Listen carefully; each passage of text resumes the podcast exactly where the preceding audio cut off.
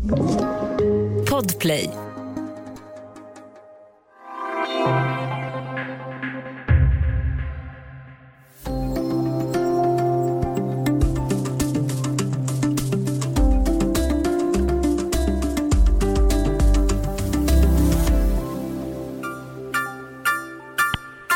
This is a Global Cal-Link prepaid call from Adnan Sayed.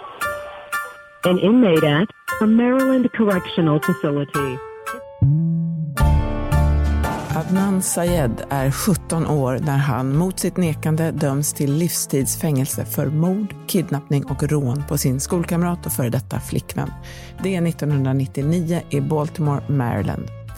15 år senare tar podcastserien Serial 2014 upp hans fall och ifrågasätter domen. Men inte förrän nu har åklagare dragit slutsatsen att bevisen för hans skuld är otillräckliga. Och i måndags släpptes Adnan Sayed efter 23 år i fängelse. I Studio DN idag om hur bristerna i en brottsutredningen till slut har blottlagts med hjälp av envishet och slump. Med mig, Sanna Thorén Björling och med Amanda Dahl som är reporter på DN. Välkommen Amanda! Du Amanda, om vi backar till 1999 och tonåringen Adnan Sayed, vem var han? Det beror lite på vem man frågar. Eh, enligt hans vänner och eh, framförallt de som också tror på hans oskuld så var han en ganska vanlig high school-kille. En populär och kille som blev eh, utsedd till prom king och hade många tjejer. Um, enligt åklagarsidan så var han en eh, eh, ung man eller en pojke som präglades väldigt mycket av sin familjs kultur. Eh, han är amerikansk-pakistansk. Och de tar mycket fasta på heder och religion och kultur som en del av motivet till eh, mordet på Hei Min Lee. Och vem var Hei Min Lee? Hon var också en, ganska precis som Adnan Sayed, var en ganska vanlig high school-elev. Hon var 18 år och eh, var i en relation med Adnan under en period eh, tills de gick skilda vägar. Hon i sin tur var koreansk-amerikansk. Det här är en del som sagt av både podden och eh, brottsutredningen när de pratar om de här eh, skillnaderna de har i sin familj och har lite olika åsikter om hur stor roll de har spelat. Mm. Vad vet du som hände henne i mitten av januari 1999? Ja, hon försvann ju då eh, 13 januari 1999. Eh, efter skolan så åkte hon iväg i sin egen bil och sågs inte igen. Sen eh, tog det ett tag innan man började leta efter henne. Eh, eller man kanske började söka så. Men polisen kanske inte först och främst utgick från att det skulle ha hänt något väldigt allvarligt. Hon var ju trots allt mer eller mindre vuxen och med egen bil och så. Eh, men sen hittas hon dödad en knapp månad, månad senare. Hon är begravd i en park i hemstaden Baltimore och hon är strypt. Mm. Och just det, och då är det hennes före detta pojkvän Adnan Sayed som grips. Varför faller misstankarna just på honom? Det börjar med att polisen eh, riktar misstankarna mot eh, honom, ex-pojkvännen, och hennes nuvarande pojkvän Don. Eh, av förklarliga skäl, man börjar där.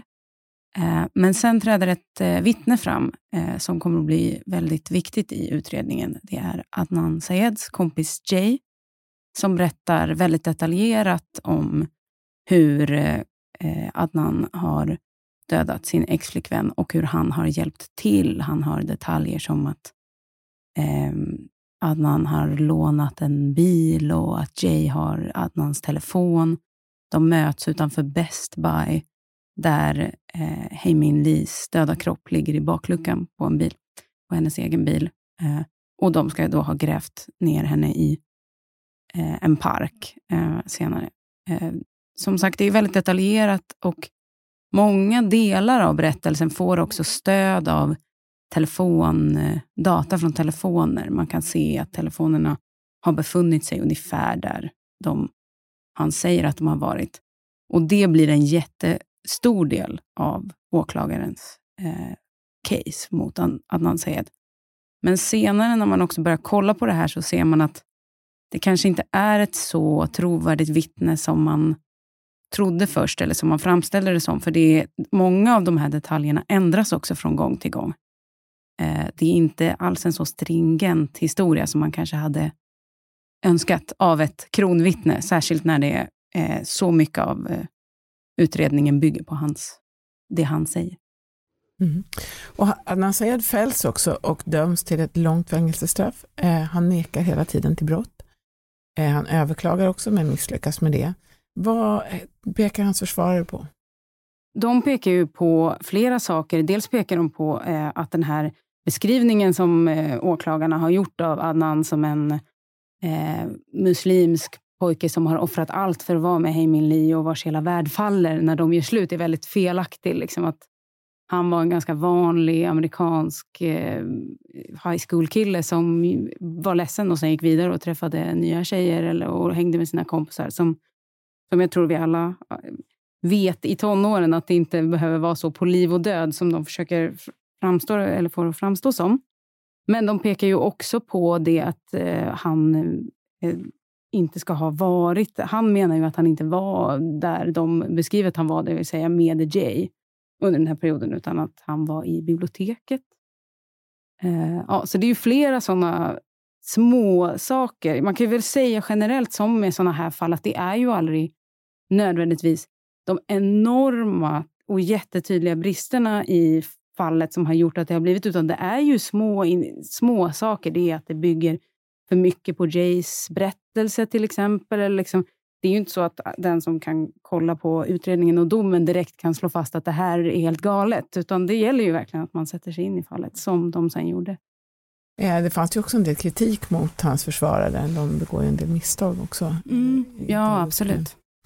Kan man säga något om det? Ja, det finns ju bland annat en eh, kompis till Hei Min Lee som säger att hon såg honom i biblioteket och som har skrivit, en, eh, skrivit det också, skrivit ner det. Eh, och hon hörs aldrig av försvararen. Eh, och det är ju en av de viktiga frågorna som de tar upp. Men där kommer man ju också fram till då att det finns också och det kan det ju göra, att det kan finnas rimliga skäl till varför man inte vill kalla en ens, ett ensamt vittne som så eh, alibi. Eh, för att de kan eh, ändra sig till exempel och då faller hela eh, fallet. Sådär. Men, men det som de sen i den här eh, podcasten säger, alla sakkunniga de pratar med där, eller experter, är ju att det är väldigt konstigt att hon inte ens hör av sig till henne. Det är inte ens så att man kollar vad hon har att säga och sen inte tar henne till rättegång, utan hon är aldrig någonsin del av försvararens eh, ja, hur försvararen bygger upp fallet. Ja, just det. Så eh, Adnan Sayed, han sitter alltså i fängelse i 15 år. 2014 så kommer då den här podcastserien som du är inne på lite grann här. Eh, vad är det som händer då? Ja, eh, det är ju Sarah Koenig som eh, har gjort en, en slags ja, nu är de ju väldigt eh, kända, de här vanliga true crime-poddarna. Det var inte så vanligt då. Det var väl en av de första i sitt slag. Och hon går väldigt sakligt igenom hela fallet. Man, hon eh, driver ju på något sätt, eller annars skulle hon väl inte göra en podd om det, eh, caset att det här fallet ändå inte har eh, allt det man kan önska. Men men hon går ju också igenom det som talar emot att någon säger till exempel. Och den här slår ju ner som en eh, bomb. Eh, fallet i sig ska man väl också säga var ju väldigt uppmärksammat när det skedde. Ehm, eh, och eh, den här podden så lång tid senare blir också väldigt uppmärksammad. Jag, jag kan tänka mig att det är också för att det är en väldigt... Man får verkligen också en inblick i de här personernas liv. Det är den här om man har läst eh, eh Heimelins dagbok och hur hon beskriver. Det är en ganska eh, ja, men ingående beskrivning av de här två personerna och alla de omkring och high school-livet i Baltimore. Och så är det det här mordet då, som också såklart engagerar. Men Ja, så den här podden kommer i, nu minns jag inte hur många delar, men i ett antal delar. Som, som sagt, många som har lyssnat på true crime vet precis hur de brukar vara uppbyggda och får ju väldigt stor uppmärksamhet. Mm. Vi ska alldeles strax tala mer om Adnan Sayed och vad som hände honom.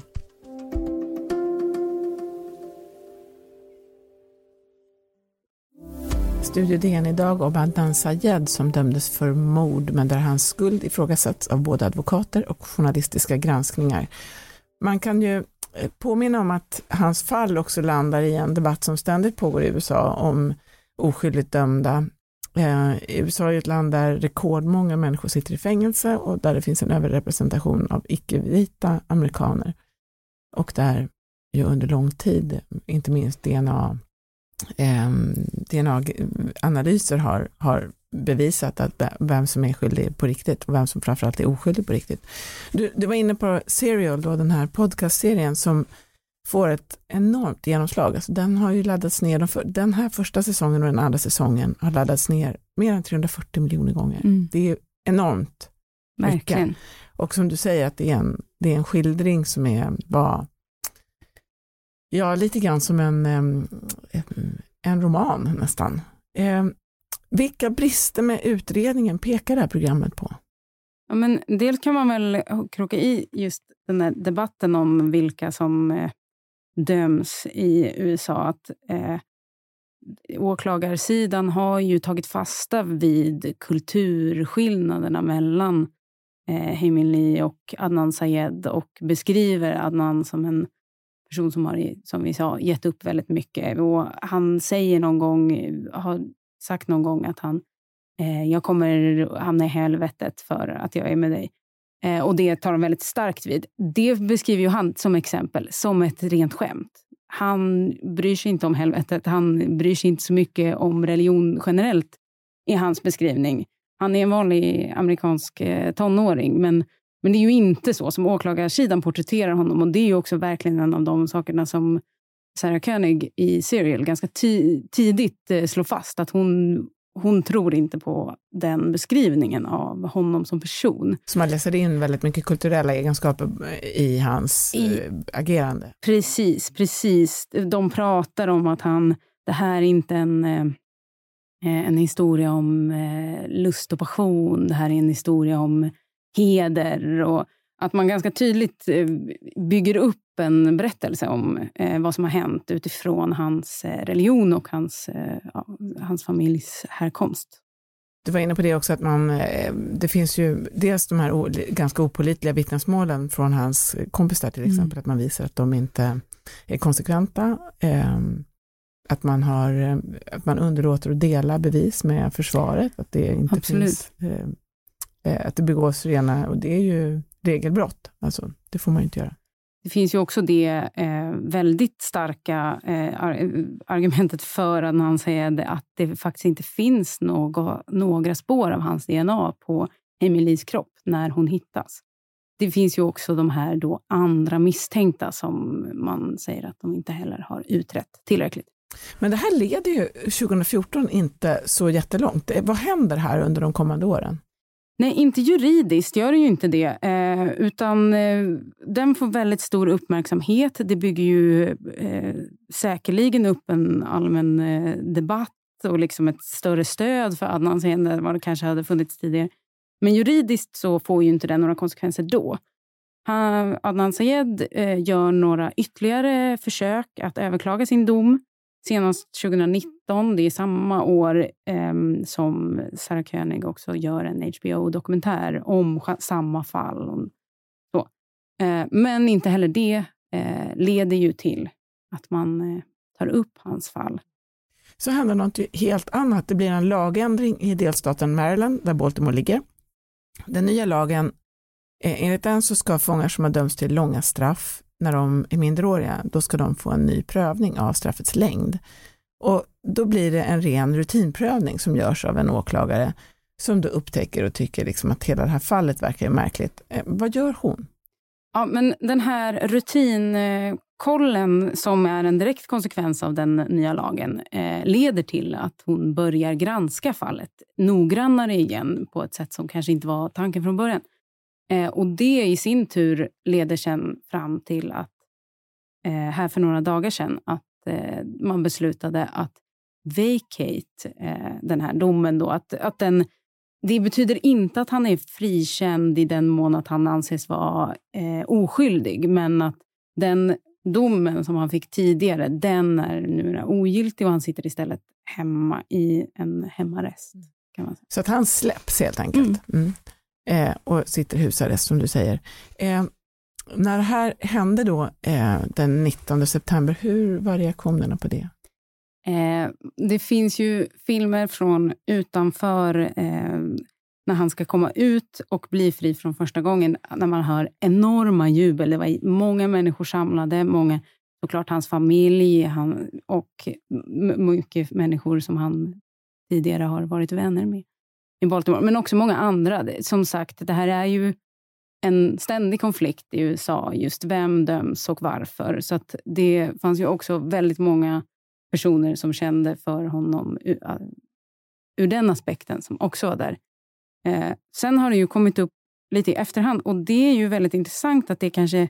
Jag vet inte om det var en större diskussion då när podden släpptes än vad jag visste, men att det också har lyfts frågor om Heimil Lees familj. Eh, det är klart att de vill ju inte att någon oskyldig ska sitta dömd. Eh, men hela här, den här processen måste ju vara fruktansvärd om man har förlorat eh, ett barn. Eh, och hennes bror tog också upp det i rättssalen, att för oss är inte det här en podcast. Det här riv, det rivs upp sår varenda gång det händer någonting. Och Det har jag sett en hel del av nu. Ehm, som sagt, jag vet inte hur mycket det pratades om det under tiden som podden kom, men det var ingen överväldigande kritik, tror jag i alla fall. Nej, men det kan man ju förstå att det är en mänsklig sak också. Att, mm. Det betyder att det är någon annan som är förövare. Man vill ju kanske ha någon slags avslut eh, genom att någon blir, blir fälld. Och det här, om det rivs upp så är det ju, finns det ju någon annan där som borde vara dömd för, för det här fallet. Eh, så eh, Adnan Sayed, han sitter alltså i husarrest så länge.